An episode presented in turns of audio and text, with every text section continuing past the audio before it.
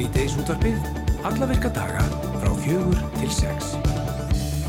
Það er síðdeis útarbið sem helsar ykkur kæru hlustendur á 5. degi, 16. 16. november, degi íslenskra tungu og hér við stýrið halda þau Hrafnildur Haldarsdóttir og Kristján Freyr Haldarsson. Einmitt það, þó ekki sískinni, alltaf saman brandarinn. All mjög fyndið. Þetta er mjög fyndið. Íslenska karlalandsliði Knaspinu heimsækir Slovakíu í undakefni EM í Bratislava í kvöld. Slovakar sigruði fyrir viðrögliðana hér heima og á því íslenska liði harma að hefna. Og með jafntebliða sigri gætu Slovakar tryggt sér sæti á EM en okkar menn eiga helst hann möguleika að komast hangað í gegnum umspil þjóðadeildarinnar á næsta ári. Og Þorkild Gunnar, íþróttafréttamaður, hann ætlar að fara við máli hér með okkur. Mm -hmm. Í vikunni var haldið heilbriðsþing og í ár var áhersla lögð á gagna og taknivæðingu í heilbriðskerfunu. Sætis Sæfastóttir var að fórsætti lagnandildar Háskóla Íslands og verkefnastöru hjá D-Code. Hún ætlar að koma til okkar og segja okkur betur frá þinginu en hún held erindi um framtíð einstaklingsmiðaðar miðaðrar helbriðsjónustu afsakið hér á landi. Tómas R. Einarsson er einn okkar ástsalustu jazz tónlistamannu landsins. Hann uh, hefur verið vopnaður kontrabassa og gefið okkur hér á fróni fjölmarka funheita tóna í gegnum tíðina, oftar en ekki seðandi sveiplu frá kúpu. Og nú hefur Tómas til sér niður og krota niður endurminningar sínar í bókina Gangandi bassi. Jazzmanns sem kemur út emitt í dag, eða hún er allavega svona með formúlu hætti, ég veit allavega það er parti í Jú, dag. einmitt. Og hann, jazzmaðurinn Tómas, hann ætlar að koma til okkur eftir og segja okkur hans frá bókinni. Mm -hmm. Seks sólarhingar eru svo liðinni frá því að þessi meiri áttar skjáltar hérna varði að reyði yfir Grindavík og, nákvæmni og allir verulegum skemmtum. Þá var óttast að stutt væri eldgós og Grindavíkubær því rýmtur. Enn hefur ekki gós hafist en það þýðir þó ekki að dreyja hafi úr líkum á gósi, heldur þvert á móti. Fréttamaðurinn Valur Grettisson, hann fer við stöðuna með okkur, hann hefur fyrst með stöðunni á Reykjaneska og kemur hérna til okkar rétt á eftir. Já, og loks kemur til okkar að venju Alli Fannar Bjarkason með, með með vikunar og það verður spennand að sjá hvað kemur upp úr þeirri djúbu hít sem að alnetið og smáforritin geima á hverjum degi. Já, smáforritin, út að nota íslenska heitið náttúrulega á þessum degi. Auðvita, þetta er ekki huga að vera með neitt slangur þarna. Þetta er framúskarandi. Uh, nýja breyðaferðarferjan Baldur er að vera tilbúin í áallina siglingar með til Stikkishólms og Brjánslækjar um, um Flatey. Komu skipsins sem verður fagna með aðtötninu í Stikkishólmi á morgun. Jóhanna Ósk Haldstóttir, hún er frækvæmtastjóri sæferða og hún er á línunni. komdu sæl og blessuð. Komið sæl. Sæl. Er ekki spenna í loftinu? Jú, það er óhætt að segja það. Já, bara svona fyrir okkur sem að kannski höfum nú farið með baldri þannig á milli, uh, hverju mun þetta nú helst breyta, þetta nýja skip? Um, nýja ferjan, hún er með tvær vélar, ólíkt uh, gamla valdri. Þannig að við erum að sjá fram á bara örugari þjónustu, öfluri, öfluri þjónustu á breyðafyrinu. Já. Er hérna, er hún stærri eða, þú veist, komast fleiri hérna um borð, fleiri bílar og fleiri farþegar? Uh, nei, það komast, það komast færri farþegar og svona fimm, cirka, cirka fimm færri flutningabílar. Um, en hún er örugari af því að hún er með tvær vélar og já, hún er yngri heldur en forverið sinn. Þannig að við, við erum að hérna, við erum að uppgreita. Já, Fá betra skip. Já, einmitt, uppfæra, Já. sem að noti nú. Uppfæra, Já, nákvæmlega. Verður eitthvað breytingar á áallinu eða slíka? Eða Er þetta eitthvað sem að farþegar sem að hafa notað þessa þjónustu þekkja eða hvað? Já, við munum sigla áfram áttasunum í viku og, og sem- fyrstum sinn þá verður siglinga áallin óbreytt frá því sem hún var og svo ætlum við bara að taka stöðuna þegar við bara þegar ferjan er farin af stað hvernig hérna það sé á breytingum. Hvernig hafið þið brúa bíli núna? Eru þið bara búin að vera með, já ég meina hvernig hafið þið, hérna, hvaða skip hafið þið nota núna undarfarið? Við eigum aðra farþegarferju sem heitir Særún og hún hefur verið að sinna siglingum út í flati á meðan. Við hefum ekki verið að sigla út í brjánslæk Nei. undanfæri mánuð. En er það eitthvað sem er í gangi samt allt árið, svo siglingaleið? Ú- Út í flati? Nei, út í brjánslæk og milli brjánslækur og stikkisóns. Já, já, já. Það eru alla jafna áttaferðir í viku. Já, það er sem þannig. að við erum að sigla. Já, Já, einmitt það. Þið, þið ætla að bjóða fólki, er það ekki það er hérna veistla bæði á morgun þegar skipið hérna verður formlega komið í eh, höfnina en e, svo ætla að bjóða hvað, fólki að skoða skipið á sundaginn? já, það verður svona formli móttaka í stykkisum á morgun millir 3 og 5 og svo ætlum við að hafa opna ferju í Brjánslæk millir 5 og 6 á sunnudaginn mm. þar sem að, að fólki hinnum og hinnum enda fjárðarins gefst kostur á að skoða ferjina á vesturingunum. Já. En hvernig, þú talar um tvær velar, fer hún eitthvað hraðar yfir fjörðin? Já, við erum að reikna með að hún sé rétt rúma tvo tíma að fara yfir. Þannig að þetta mun stitta syklingatíman svona um 20-25 mínutur. Já, já. Það er nú bara talsvert. Mm -hmm. Já. Og svo verið að stitta vesturraveg og allt þetta líka, þannig að það verið örstugt fyrir mig að fara til Ísafjörðar eða vesturða, ef það svo bara undir. Já.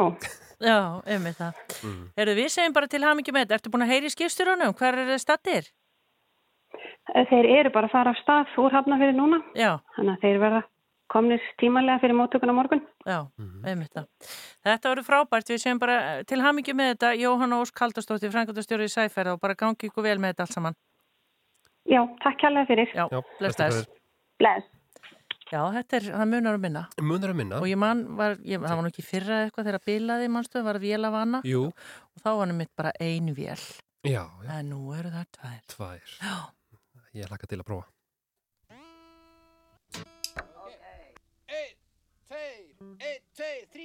Oh!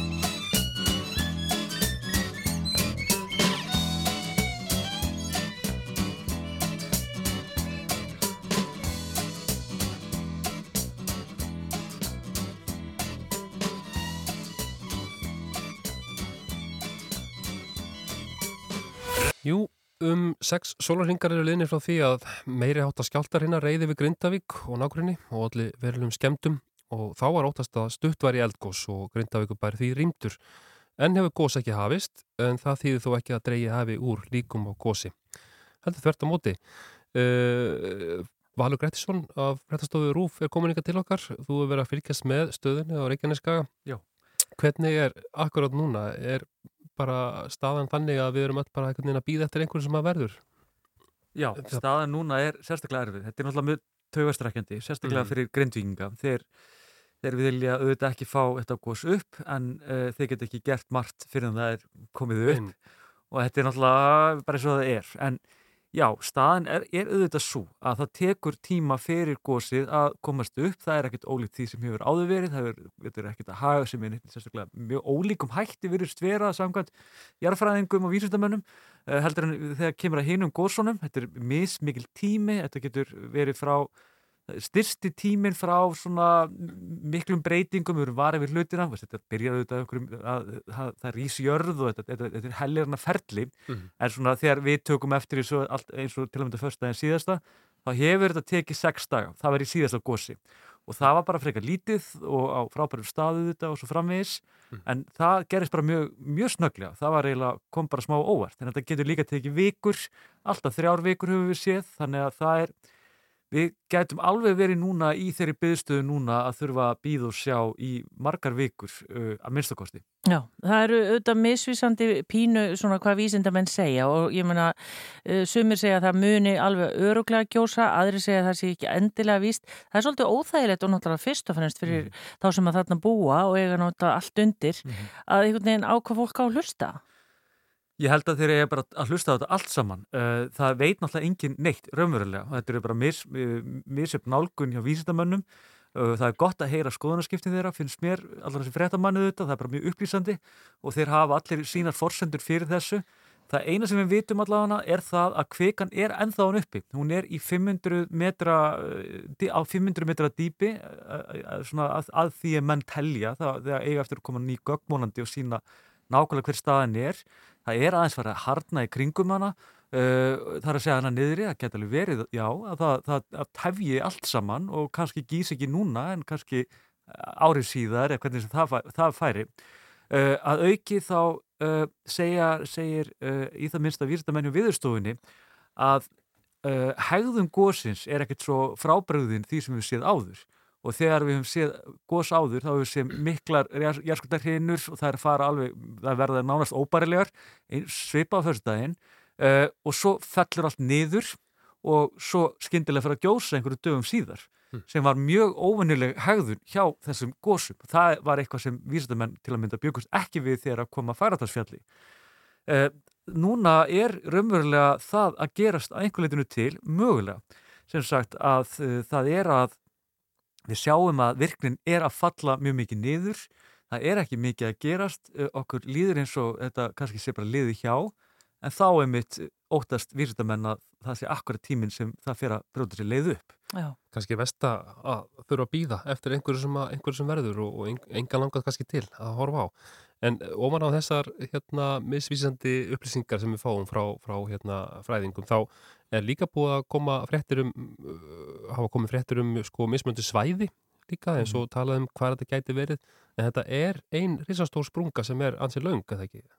Jú, hún er alveg 15 km laung, hún, mm. hún bestafalli er þetta að fara að gjósa bara lengst út í óbyðum Já. og þá, það var náttúrulega bara frábært. Nú verðist þetta að vera færast uh, frá uh, þeim stað sem það var og verðist þetta að fara nær, hvað heitir það, Hafrafjall? Uh, Nei, Hafnafjall. Hagafell. Mm. Æ, nú, það er alveg stólur með því og, hérna, og það verðist vera þar núna en við sáum náttúrulega þetta mikla magn sem var að kviku sem farðist þannig bænum á, á skott stundur umverulega mm. þannig að það er enga veginn vist að þetta staldri við þar Uh, en ég meina, maður getur vonað en þessi stað, nýja staðsending er ekkert mikið betri fyrir einn eða neitt sko Nei, Nei. það sem að hefur gengið á í Grindavík í dag varðandi bara íbúa og svona, það er bara búið að vera að hjálpa þeim að komast í húsin sín sem að höfðu ekki fengið aðgang áður eða hvað? Já, ég nú bara að segja það honum lauraglustöður á Suðunisum bara til, ég var bara að rosa honum sérstaklega. Hann hefur bara staðið sig nokkuð ágætlega. Hann hefur sínt hana mikla, hvað maður að segja mikið mildi, mikla mildi gagvart íbúum, það var alls ekki gefið að íbúar fengið að fara þarna inn. Bærin er hættulegus, það er bara verið að segja þetta er, það er bara ekki óhætt að öllu jöfnu að vera þarna, þú getur fallið þarna ofan í sprungur og, og, og, og ég veit ekki hvað meira en hann sá það að það yrði að bjarga því sem var hægt að bjarga og ég kann að meta það persónulega bara að, að, að hann hafi leift fólki að fara hana inn og ekki bara það heldur uh, gert þetta aftur og aftur dag eftir dag og, og aðstofa fólk við og reynda að gera það eins mögulega örugt og það hefur, verið hægt mm -hmm. og enginn hefur slasast, uh, þetta hefur bara gengið vonum framar fólk fær ekki bara kannski að sækja eigu sínar, það fær líka kannski bara tækifæri til þess að, hvað maður að segja, bara sol, kannski að gera það, gera það upp við sig, veist, það, er, hérna, það er bara erfitt að missa í, í húsið sitt og, og bara fá hans að kveðja það. Já. veist. Já. Og mér finnst það ekki síður mikilvægt þegar kemur að svona að þetta tilfinningarlega eh, s- svona rými til þess að kannski fá að takast á við þetta og Úlfar, lauruglustjóri, gerir það einhverju leitinu til, hann lefur fólki að fara þarna, sækja og ég meina, kannski er ekkert allir að sækja mikilvæg hluti, kannski er, tóku bara margir með sér það sem skiptir máli en það vantar aðeins með fleiri fött og bara, veist, kannski að bara gera upp fyrir sig að, já, hvað maður að segja, sætta sig við það, að kannski bara ef maður ekki fara að sjá þetta hús aftur mögulega. Nei, einmitt. Þú nefndir áðan sko, það er vona á nýjum eh, niðurstöðum og svona, er endalust verið að sem sagt, uh, hérna, mæla og sem sagt, uh, ég menn eins og þú segir, er, er vona á einhverjum tölum í dag, hvernig, Von, já, vonandi, það, það er óljóst en já, þeir fá gögn daglega, það Já. er alveg hreinu. Og það er bara misjaft svona hvað þeir eru lengi að vinna úr því að þeir eh, miðliði til okkar auðvitað því að þetta er ekki Þetta er en- engir Facebook statusa sko. Nei, nei, þetta er, er alvöru, alvöru gögn sem þeir að rekna og, og lesi og, og greina og tólka og svo framvegis. Og það getur bara verið mjög flókið, mjög langvind ferli, þessi fundir getur verið mjög langir og ég treysti því bara að þetta, þetta er náttúrulega með færustu vísindamönnum í heimi þegar kemur að jarðhræringum, elgósum og slíku sem eru að hjálpa okkur við þetta Já. og ég held að þeir séu bara algjörlega að, að já, þeir eru bara að greina það sem er hægt að greina sko. Við hérna, vonum það besta en, en það er alveg ljóst að það eru komnað nú þegar heilmiklar skemmtir bara í, í bænum. Já, bærin er, uh, sko, það er kannski harkalegt að segja það, en hann er halv ónýtur, hreinlega, eins og staðin er núna. Uh, mörg hús eru mjög illa farin, uh, það er alveg ljóst að, að það er ekki hægt að gera við innviðið hann í bænum, uh, í byli, það er að koma vetur, ég meina þarf ekki að- annað en kannski harðan mánuð af frosti, þá er það sem kannski var ekkit svo illa farið, mjög illa farið eftir veturinn. Og hérna, þannig að ég held að við sem að fara að sjá bara verulegt, verulegt tjón á eignum hana. já, og það er alltaf búið að rámaslust í dag en það er nú verið að laga það eitthvað. Já, það er auðvitað verið að laga það með rafmagnið og sem betur fyrir heitt og kalt vatna en þá það hefur ekkert brugðist. Það skiptir eiginlega meira máli allan að það kemur að, að, að mörgu þannig Já. og, og þetta er alveg já, þannig að það, það, þeir eru líka mikið hróskilið þarna hjá HS Orku og Reykjanesvirkjun og, og, og þeir hafa verið að halda þessu öllu gangandi í ótrúlegum aðstæðum Allir að gera sitt besta. Valur Grettusson, takk fyrir þetta og við treystum því auðvitað bara eins og allir að við bara fáum alltaf nýjist og bestu fréttinar, Já, minnum á rúfvefin, það er fréttavakt í gangi allan sólhæringin. Takk fyrir komuna. Það þekk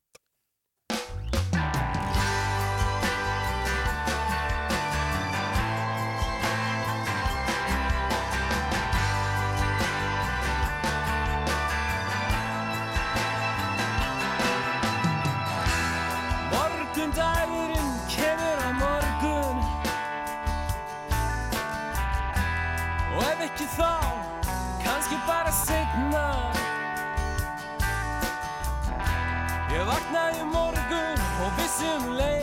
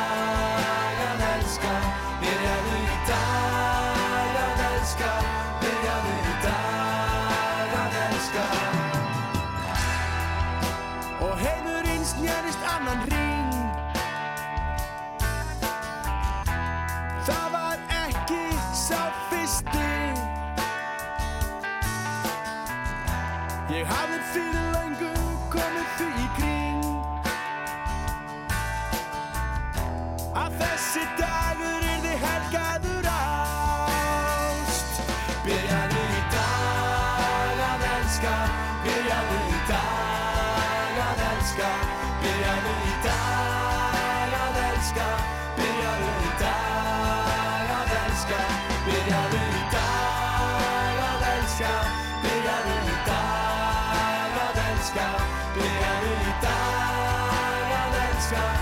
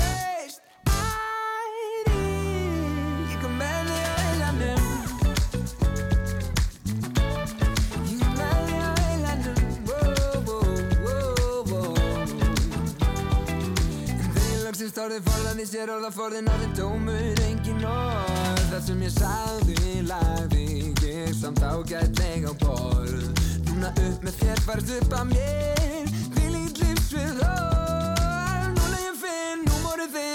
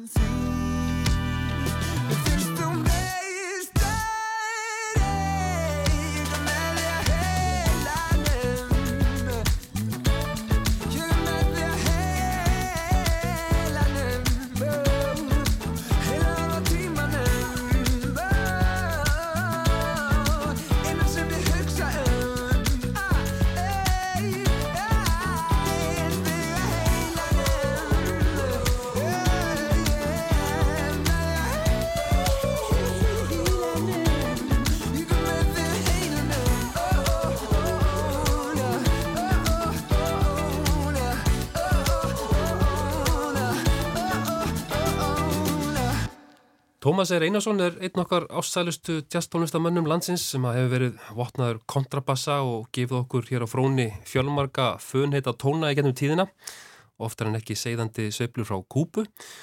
Og nú hefur Tómas tilt sig niður og króta niður endurvinningar sínar í bókina Gangandi bassi ja, uh, er það ekki Saga Jazzmans ja, það sé að endurvinningar Jazzmans uh, og við erum ynga komin með hérna Jazzmannin Tómas, velkomin Takk fyrir. Má ekki bara byrja því að spyrja þig bara um, um tilurð bókarinnar. Hvernig stóða því að þú settist niður? og Já. skrifaðir endurminningar? Einlega elsta hugmyndin að tilordningu hennar er það þegar ég var að eh, um 20 ára skeiða þýða bækur svona cirka frá 1980 eitthvað fram yfir aldamót þá eh, sagði ég stundum mig sjálf um mig einhvern tíma þegar ég var orðin aldraður einstaklingur þá væri nú gaman að fá að krota sjálfur, ráða orðunum í einnig bók sjálfur.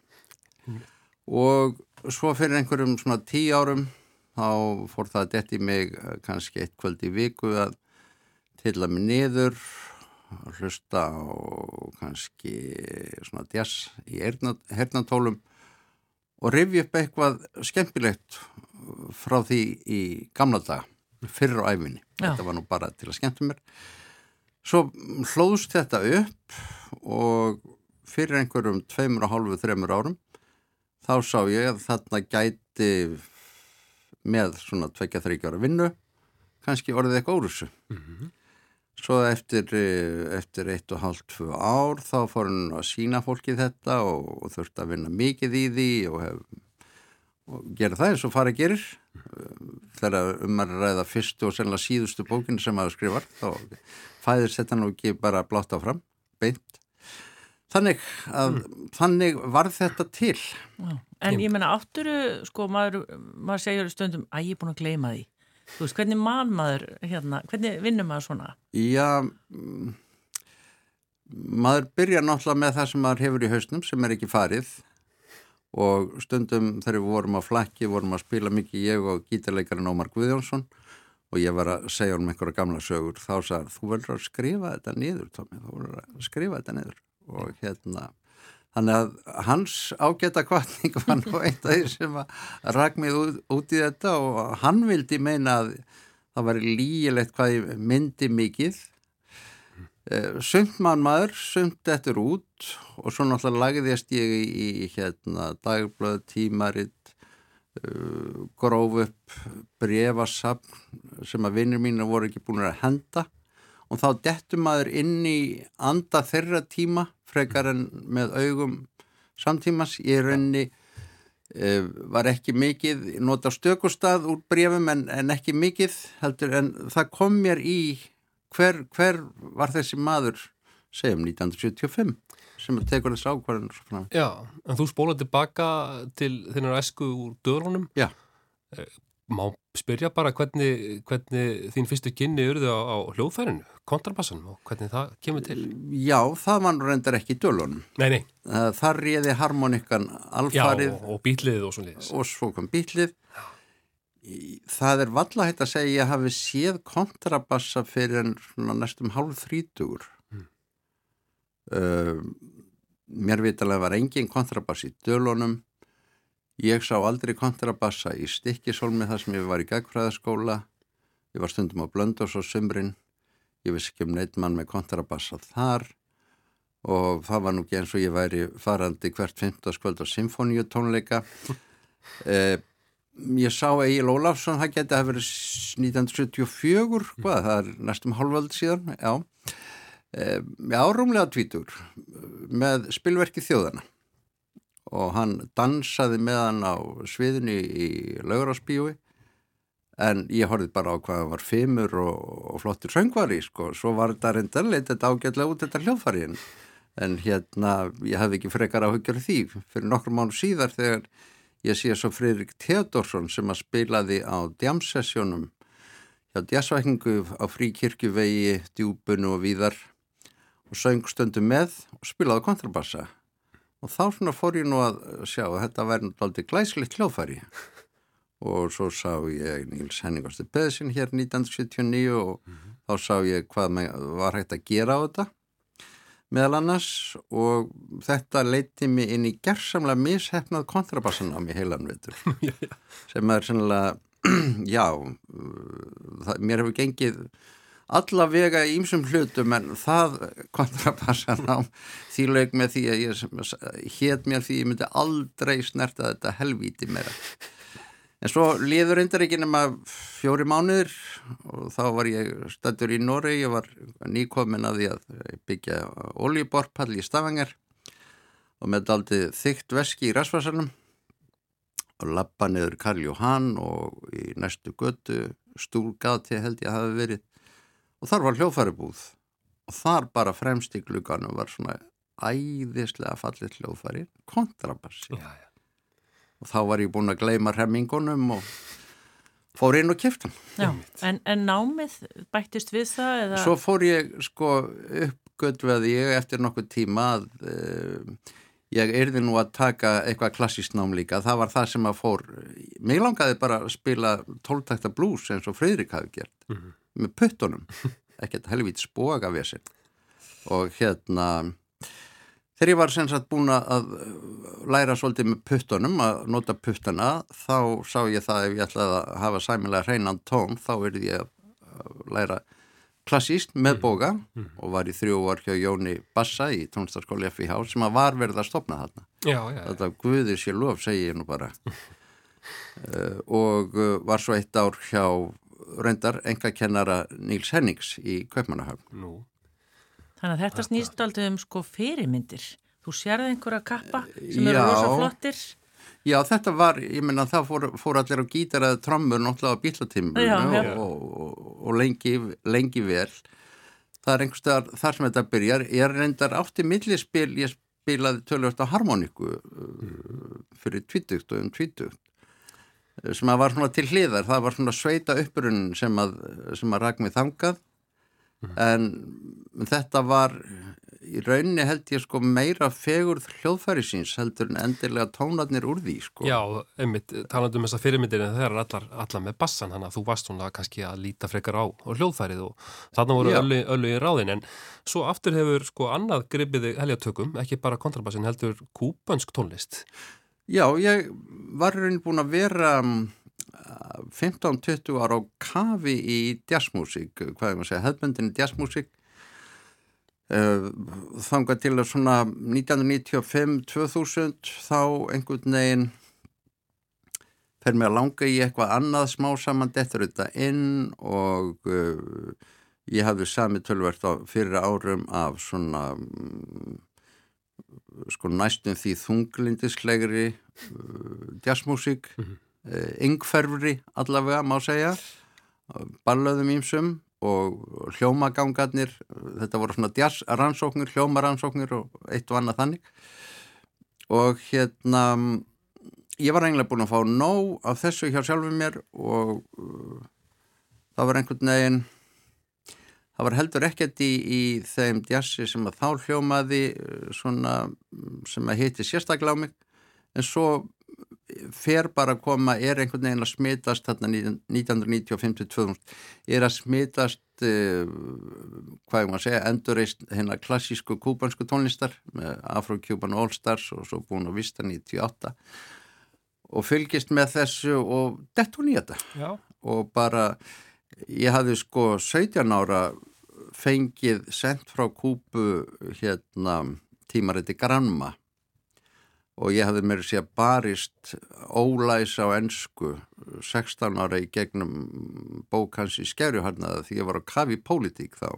Var, bara næstum því krakki fór á kafi pólitík, fyrst faransóknumadur og síðan sosialisti og ég skildi minnst af þessu allavega þá smá saman jóksnum skilningurinn en, og ég var voða hrifin af kúbensku byltingunum 1970 30 árum síðar fer ég þangað.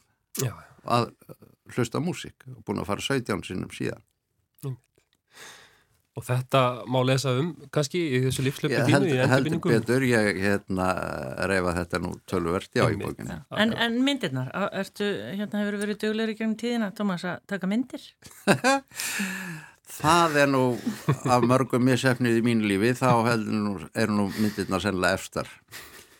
Því að hérna ég segi stutlega frá því að þegar ég var tíu ára fekk ég gam, gamlu myndavillinars pappa. Þá var skólaferðalega vestur á Reykjólum og ég á ennþá myndirna sem ég tók af nýju kirkjunni og hún, hún er ekki á hliðin en hún hallast verulega. Og þetta svona setti tónin fyrir mína myndasmíði. Ég er sko handónýtur myndasmiður og einhvern veginn gersamlega ónæmur fyrir öllu sem að því við kemur hins vegar þegar ég fór vorið 2003 til Havana í svona undirbúningsferð áður en ég tók upp plötuna Havana fyrir 20 árum þá tók ég mynda vel með. Uh, ég hafði farið árið 2000 og þá var þar kona í ferðinni sem að kunna taka myndir og lánaði mér myndir á plötuna kúpansku nú var ég að taka myndir sjálfur. Og það gerðist í eina skiptið á æfiminni að mér tókst að taka sæmilega mynd inn í hverfunu Sendra og Havana uh, klukkan 9.30 morguns. Þetta er þröngata og við vorum á 46 ára gömlum Chevrolet æðislega fallegum. Þurftum að býða eftir manni sem hefði verið að skemmta sér fram undir morgun og, og hérna og var seitt til svars. Þurftum að býða í klukktíma. Og ég næ fyrstu og síðustu mynd míns lífs og hún prýðir forsíðuna á Havanablöndunum Já, en þú kannski heldur þið frekar við kontrabassan, ég held að það sé bara betra að því. Já, það er bara aðrir sem eru mun flinkari heldur en ég í þessu. En það eru allavega myndir í bókinni. Einmitt. Já, já, já, en þetta er eina myndin eftir mig. Já, En bókin kemur út í dag um, og, og Já, hún er reyni að það er útgáfi búið í dag en hún kom út fyrir einhverjum hún kom til landsins fyrir einhverjum tíðdóm Já, en það er mikið útgáfi búið núna Já. á eftir. þú hleypur þangað. Ég hleyp Við þangað óskum bara til hamingju og, og takk fyrir að koma og segja ykkur aðeins frá gangandi bassa. Tómas R. Einarsson, gangandi bassi. Fyrst til þetta að vera gargandi bassi, Já, en það er gangandi bassi. Takk fyrir komin í síðan. Takk.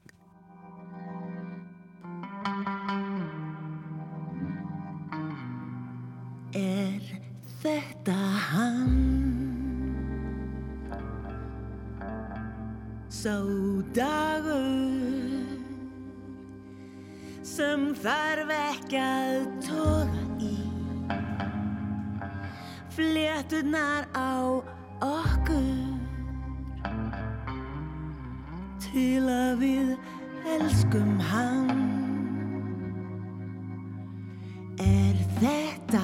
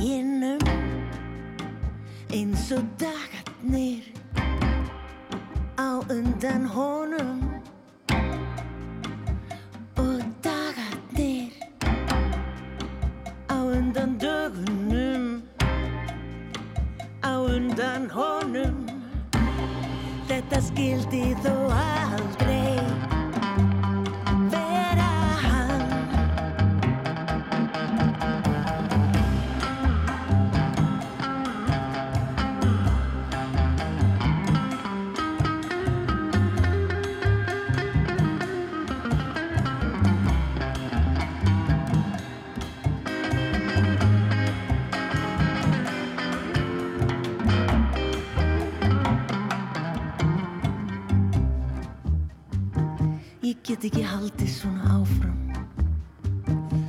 Einhver daginn verð ég eftir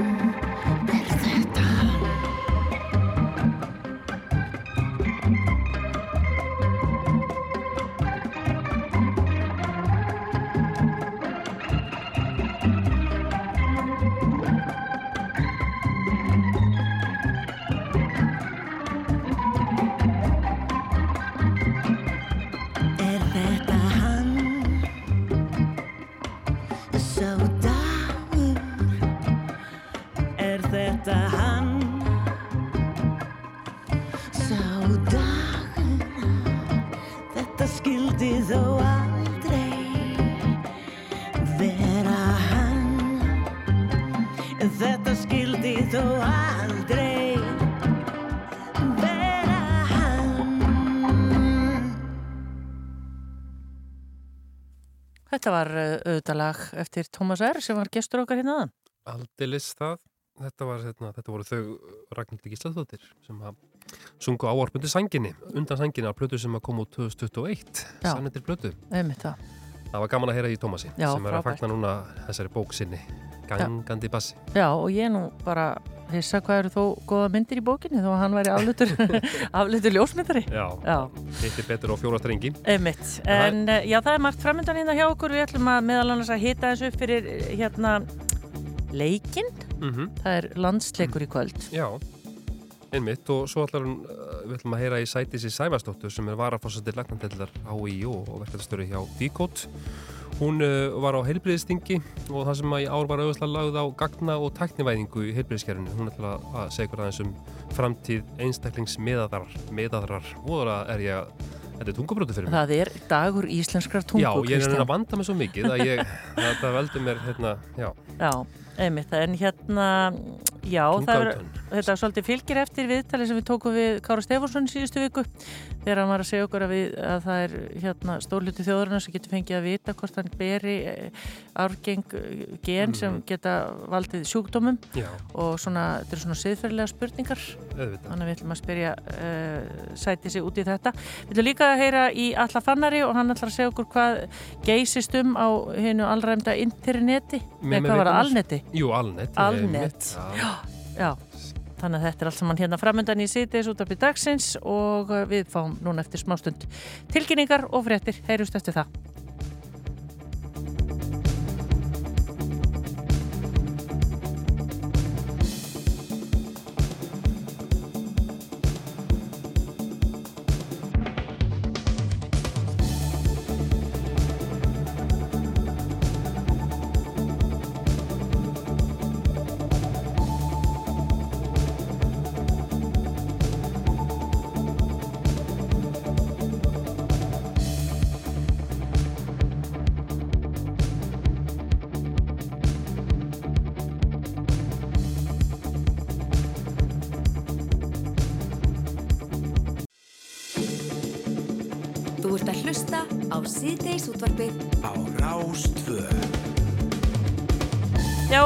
Nefndum þá hefur við eftir að heyra um uh, það sem geysar á alnetinu í með með vikunar og svo er það jú. Hittum alltaf upp hérna fyrir fótballtaleikina og bara handballtaleiki og alls konar.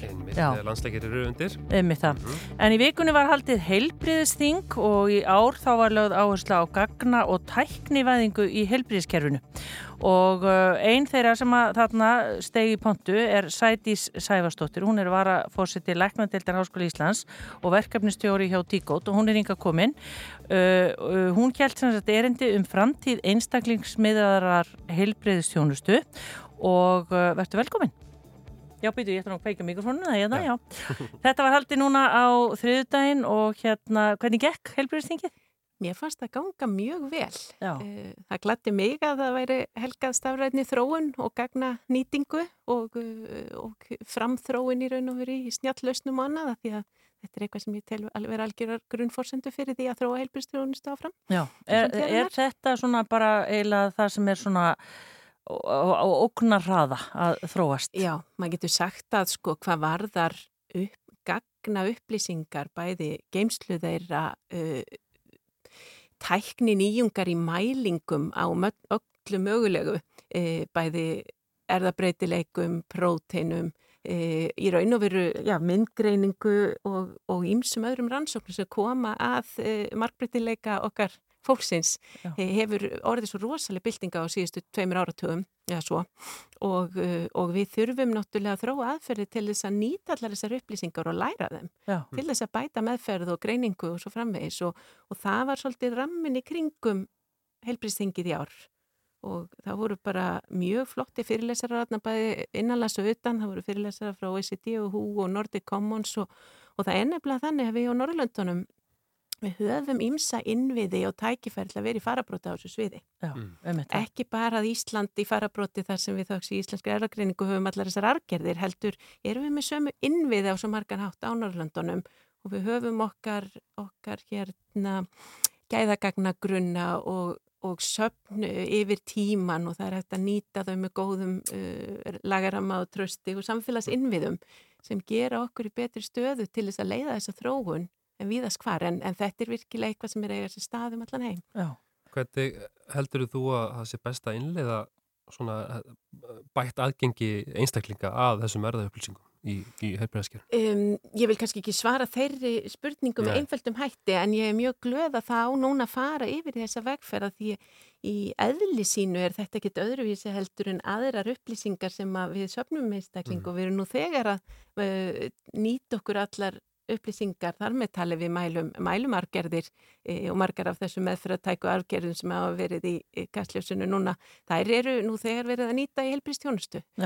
Við leitum að erðableitileikur sem tengjast í að fá hjartlóttatrublanir til dæmis að því við vitum að við getum þá e, til dæmis grætt í fólk bjargráð til að bjarga lífum. Já, bara Og- ef við gefum okkur, ef þú útskýrir það þá fyrir okkur, segjum til dæmis að ég fari til eknis Já. og ég greinist þá með eitthvað svona eh, hérna í hjartanu. Já. Eru þið þá hérna búin að kortleggja mitt mengi bara... Við getum, í dag getum við bara uh, pantað mælinga á slíku en síðan vitum við það að það er í raun og veru tiltækar mælingar fyrir alla þjóðina Já. sem er ekki verið að nýta í dag það og einmitt. það er eitthvað sem að ég get sagt að stór hluti heimsins öfundar okkur af vegna þess að það er verið að fara í mjög stórtak verkefni ellendist það sem er virkilega verið að sk- skapa þessar upplýsingar skipulega. Já, um þetta. En hérna, en hvað þýðir einstaklingsmiðað, eh, eða einstaklingsmiðuð heilbriðistjónusta? Sko, einstaklismiðu heilbyðistjónusta miðar í raun og veru bara að því að klæðskera sníða meðferð og þetta er, þetta er líka verið því sem sniðlækningar á íslensku eða personalized medicine, annað heiti precision medicine. En er það ekki alltaf persónlegt? Jú, nákvæmlega og það er það sem ég ætlaði um þetta að koma. Þetta er í raun og veru ekkert nýtt. Man segir að Hippokrates sjálfur hérna, e, fæðilæknisfræðinar og, og aðrir hafi í raun og veru alveg frá þeim tíma talað þessum nótum en það er bara einfallega þannig í dag að þetta er orðna svo gríðarlegar upplýsingar að, að þetta, þetta sem ég fannst líka svolítið svona nýstálegt tískufyrirbæri þegar ég heyrði þetta hugtak fyrst, er bara nálguna læknisfræðin að nýta þessar upplýsingar skipulega og hvers konar aðferðafræði við notum til þess? E, að því að það er náttúrulega við getum ekkert sem læknan og ég gekk að læknir og ég veit að það eru nokkri þættir sem ég þarf alltaf að hafa í huga við meðferð hvers sjúklings. En, en sko þegar þú ert fann að tala um hundruður, þúsundir, miljónir þáttar sem geta samverkað þá þurfum við náttúrulega að nýta þess að þætti með, og skapa líkun og, og hérna, átt okkur á því hvernig við getum spáð fyrir um sjúkdóma, það er alltaf best ef við getum fyrirbyggt sjúkdóm, eh, hvernig við getum greint sjúkdóma fyrir nella hvernig við getum sett inn rétta meðferð sem er svo sem er kjörmeðferð fyrir hvern einstakling að því í stórum hluta þá erum við að nota sömu uppskrift ef ég má kalla það svo fyrir hvern e, sjúkdóm í dag. Við erum alltaf að hópa einstaklinga í sjúkdómaflokka og svo erum við smám saman að læra hvernig við getum lítið og undurhópa og, og í staðin fyrir að nálgast þetta frá þín sjónarhóttinu þá erum við eiginlega nálgast þetta út frá fjölbreytileika einstaklingsins eftir því sem við lærum meira Já. um í raun og veru alla þessa lífvísa og, og svo, ég menna en í eðli sínu nýtum við alla þætti því ég menna við vitum að lífstíl hefur gríðarlega áhrif, ég menna reykingar og, og offita miklir áhættu þetta fyrir mjög marga langvinna sjúkdóma í dag. Mm. og okkar stóru bóvar í, í heilsufæri þannig að við, það er ekkit frábriðið því að bregðast við þeim. Eða hafi í huga að aldur og kyn og ákveðnir aðri sjúkdóma sem ert með farteskinu skiptir miklu máli og er að fara í huga. Já, Þannig að, að mér finnst stundu svolítið gott að vísa í eh, koronavirufaraldurinn, þeir munið alveg eftir því þegar við Mm. byggðum allir ofvinnum að heyra hvað gerir það verkum að sumir verða hundveikir og þurft að leggjast á gjörgjastlu og aðri fundum við alla fyrir þessu. Einmitt. Þar voru við í raun og veru að beita einstaklismiðri læknisfræði næstu í rauntíma. Já. Allir sem greindust með skimunum, ég var svo stoltur íslendingur þar sko, þeir voru að svara í snjáltækjum, spurningalistum, þeir sem að voru með ákveðna þætti, þeir voru kallaðir inn á gungudeildinni COVID og það var brúðist við snemma í staðin fyrir þegar fólk var orðið verulega veikt.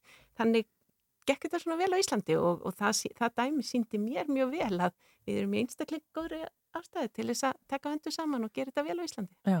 En hvernig er uh, svona upplýsingagjöfinni háttað hjá Decode varandi hérna, með einstaklinga til þeirra sem greinast eða að fá upplýsingarnar og, og hver er nættu skref fyrir það fólk bara svona, nú er náttúrulega öflug erðarfæði deild eða ekki landsbytarunum og, og slíkt er, er samstarfhandan gott á milli eða hvernig, hvernig er þetta sem er nættu skrefin? Það er mjög gott samstarf á milli og, uh, og Íslenska erðagreining hefur sint klíniskum uh, ræðgreiningum í völdum tilfellum þar sem er leitað er til þeirra fyrir landsbytalinn í fjöldamörg ár. Og það hefur bara verið, verið mjög gott á klínisku vísbendingum. En það verður aðgreina það frá þeim rannsóknum sem að fólk tekur Mm. þátt í hjá erðagreiningu sem eru algjörlega dulkóðuðu formi og við erum að vinna bara með rannsóknar efni við undir reglum síðanendar Mhm. e, þar, sem að, þar sem að við erum að reyna átt okkur á tengslum og fórspáþáttum og áhættu þáttum fyrir sjúkdóma. Það, þetta er alveg tveir aðskildir heimar í dag. Já. Þannig að það verður að greina það 20 sundur Mm. en, en það breytir því ekki að það er náttúrulega un, unnar árgerðar upplýsingar þar. Já. Um, Mm. Það er líka bara ef maður hugsa sko um þetta einstaklingsmiðu heilbríðistjónustu, er þetta ekki líka, snýst þetta ekki líka bara um samskipti uh, sjúklings og læknis varandi það að bara nýta tíma betur að, Að til dæmis að sjálfsögðu. þurfu ekki að alltaf að fara til að þetta gera í, til dæmis í fjarlækningum eða var eitthvað rætt um þetta? Jú, það var bara mjög mikið verið að ræða um uh, og gefa dæmi, það voru kynnt nokkur alveg frábær snjalltæki eða snjalllausni sem að verið þróaðir hérna á Íslandi Já. og verið að nýta á ýmsum uh, vettvangi bæði heimahjógrun og, og hérna og til eftirfyldar og hjartasjúklingum til dæmis, af því að það er náttúrulega þannig að, að uh, hvað sé ég, hver sjúklingur þekkir sinn sjúkdóm best og við erum meira og meira að þróa mælitæki sem við getum nota snjalltæki til að safna Já. og, og sjá það er breytur sem sjúklingar sjálfur svara og þannig getur maður sem heilbyrðistafsmaður í gegnum slík forrið gripið fyrr inn í og þessi byltinga er að verða svo mikið líka þó við séum kannski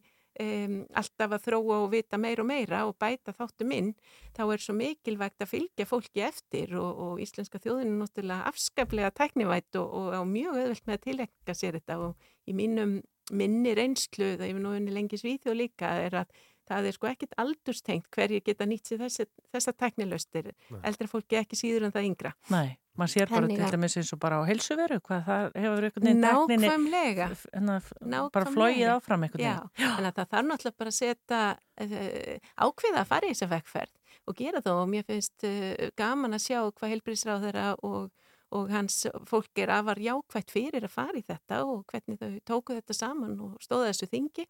Uh, afar góð, góð ingangs ávörpaði frá honum og fórsetta-vorum um, og, og eins og hann orðaði í lokin að hann var bjart sýtni fyrir að þetta tækist inn að ná hérna framtíðar í lok þingsins og það var bara gott að heyra. Því að Mm. ég held að það veri mjög mikil samhljómur á milli fyrirlesara og í umræðum þarna. Það er, sjá allir sömu framtíða sínatna en, en það, það spyr náttúrulega geta þetta er samvinnuverkefni og það þarf að huga mörgu.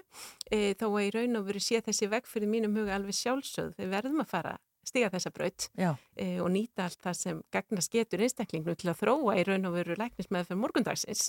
Og þar geta Íslendingar verið í farabróti. Ég held ég get alveg óhætt segt það. Já, frábært. Sætís Sæversdóttir, varafórseti Læknandeldar Háskóli Íslands og verkefnastjóri hjá Díkot. Takk fyrir kominu í sítiðisúttarpið, það verður spennandi tím, tímar framöndan og áhugavert að fylgjast með. Og við erum búin að tala bæði hérna um díkóta og degi íslenska tólun, nei, tungu. Íslensk erfagreining. Íslensk erfagreining. Þetta verður að lesi bara beint úr frétta tilkynningu. En Já. takk fyrir komuna. Takk, Sædís. Takk fyrir kjalla.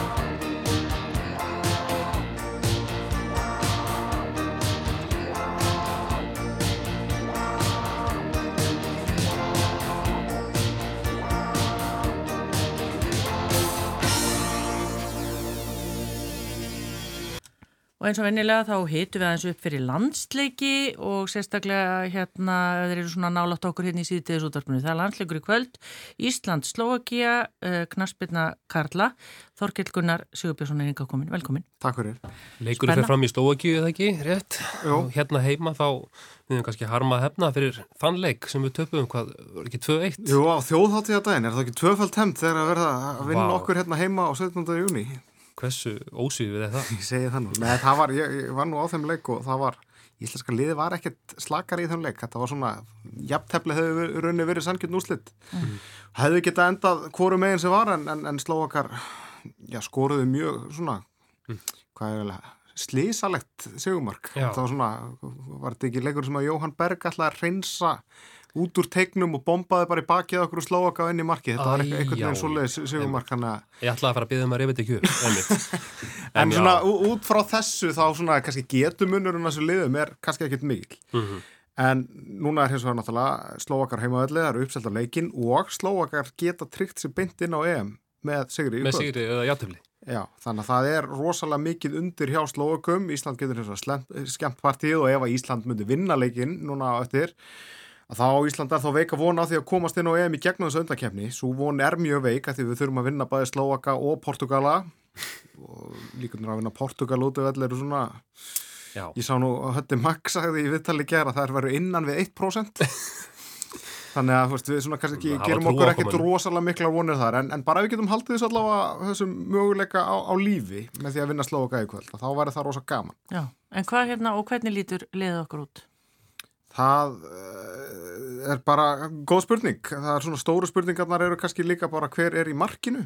Eh, Búið að smá hringla á því. Rúnar Alex Rúnarsson spilaði fyrstu sjöleikina í undakefninni. Eh, Hann er hins vegar ekkert að spila með sínu félagsliði Cardiff, hann er bara búin að spila ykkur þrjá leiki þar í, í, í haust og Elias Rafn Ólafsson var komin í markið í síðasta leik. Mhm.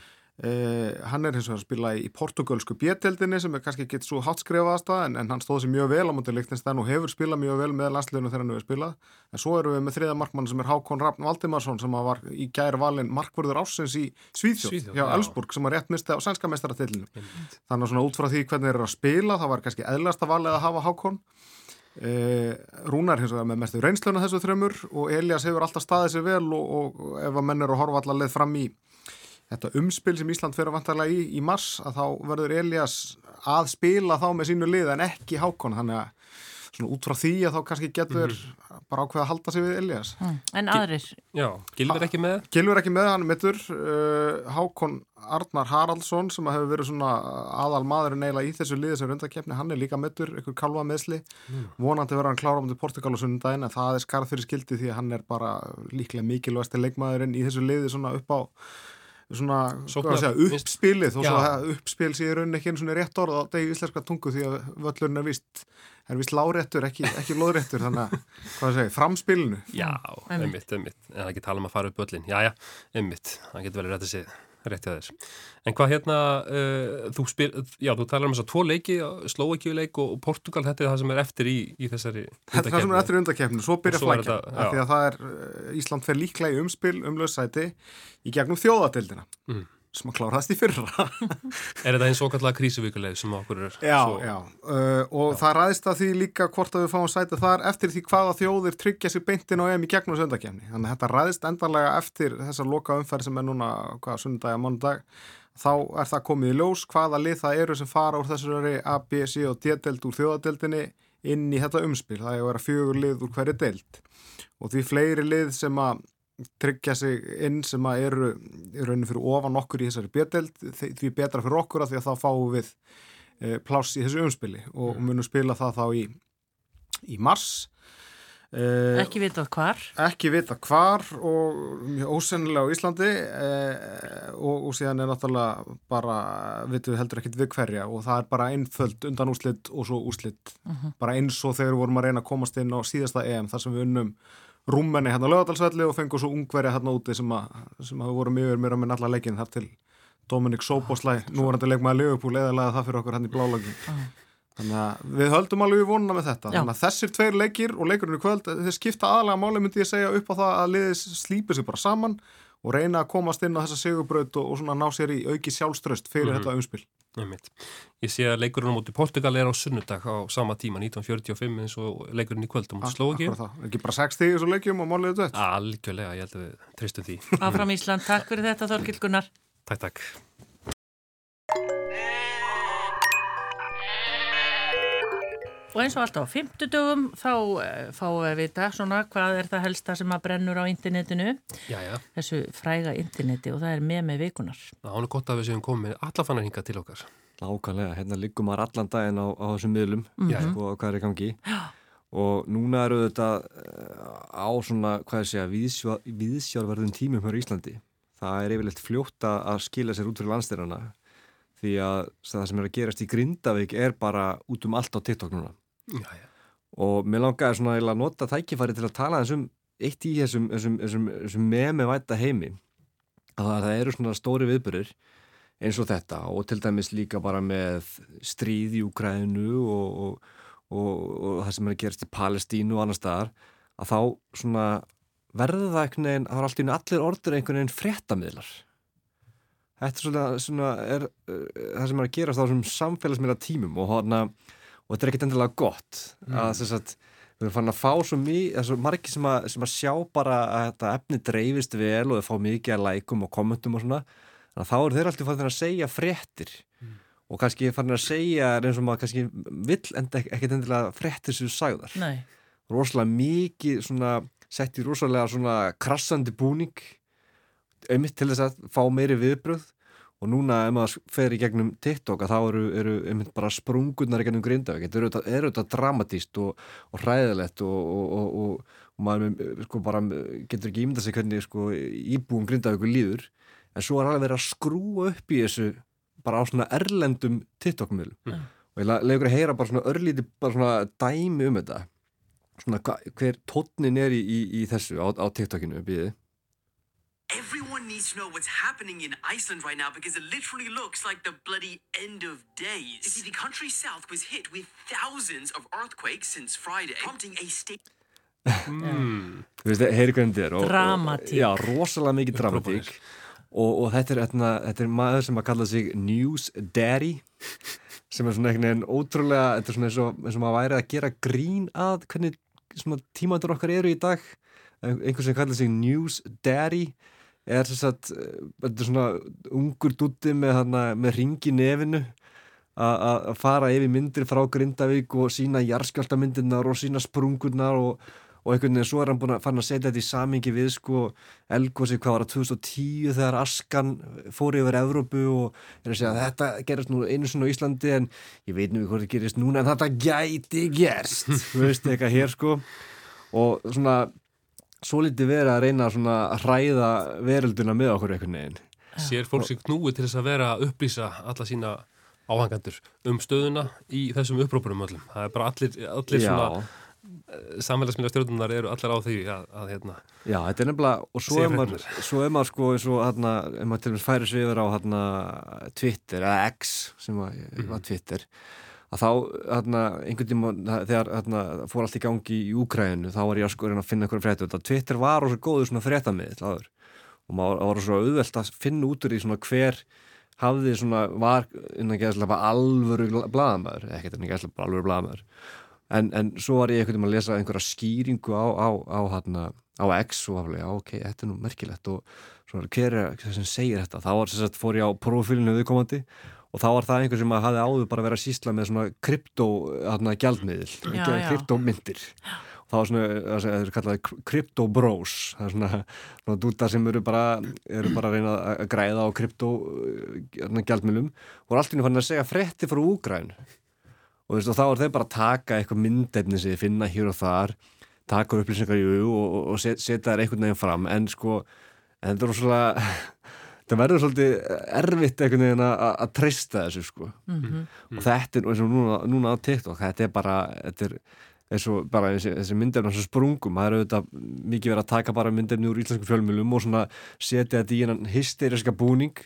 Og svo eru auðvitað líka erlendi fjölmjölina búinir að koma í heimsókn og eru að, að, að taka, taka þetta líka. Þannig að þetta er orðið ansi útbreytt Já, og svo náttúrulega eru myndbönd bara frá íbúum sjálfum eins og við tala Já. ykkur á stúlku sem setti myndir af jarðskjáltarhinunni á Einmitt. sem er bara búin að vera deilt í sko þúsunda og miljóna bara. Já, milljóna, og það, og það áhor, miljónir áhorfa og þetta, einmitt, þetta er, þetta er svona ennú alveg að svala okkar svona, uh, veist, miklu, svona miklu þörfu mannkynns til, til að horfa á einhverjar hamfarir Já.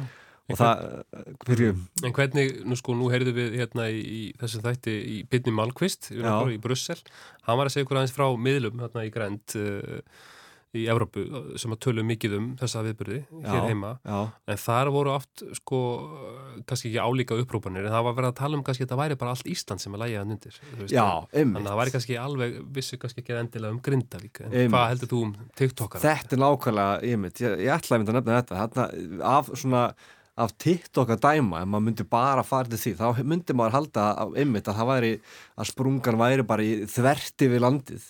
Mhm. eða bara reikinu sikunum væri bara klopna frá Íslandi og, og, og þar, þar væri all þjóðin einhvern veginn. Það er svona mikið, það er ekkert mikið verið að útskýra, setja þetta í einmitt samhengi. Mhm.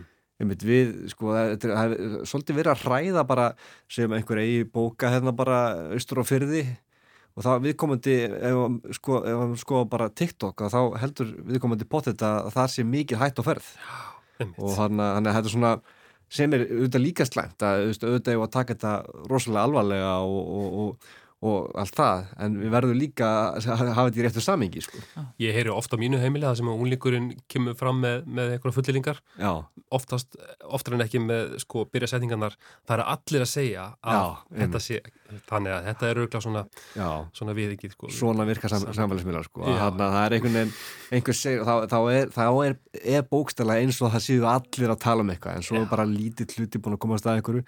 Kannski er ég að gera ómikið úr þessu en, en þarna að sé, við náttúrulega vorum bara að hlusta á samt, bara einu umföllun en það er þegar svona gerist að þá er bara rosa mikið af þessu. Og mjög svo, New, News Daddy er ekki, ekki svo einu sem er að taka sem er svona kannski ekki vanur fjölmjölaða blaðmaður og er að, er að við, við þessu upplýsingum og, og setja þetta í einhvern svona hysterinska búning til þess að Hann er bara að reyna að hafa þessu einhverja tekjur Já, já. reyna, reyna að búa sér til, til, til hérna lýsuðu við veru þessu og svo, svo hérna, hættir þetta og þá bara tekur einhver annar, einhver harmleikur við sem það getur gert eitthvað úr sko. Rétt í já. fyrir ekki, hvern myndir þú kalla svona, allir, svona af íslenskum frettamönnum, kalla kasta þér fram? Svona með hvernig ég búin að tala um News Daddy þá skulum við bara sleppa því að, tala um hver, hver er íslenski Já, frettapappin takk fyrir þetta dag, allir fannar. Takk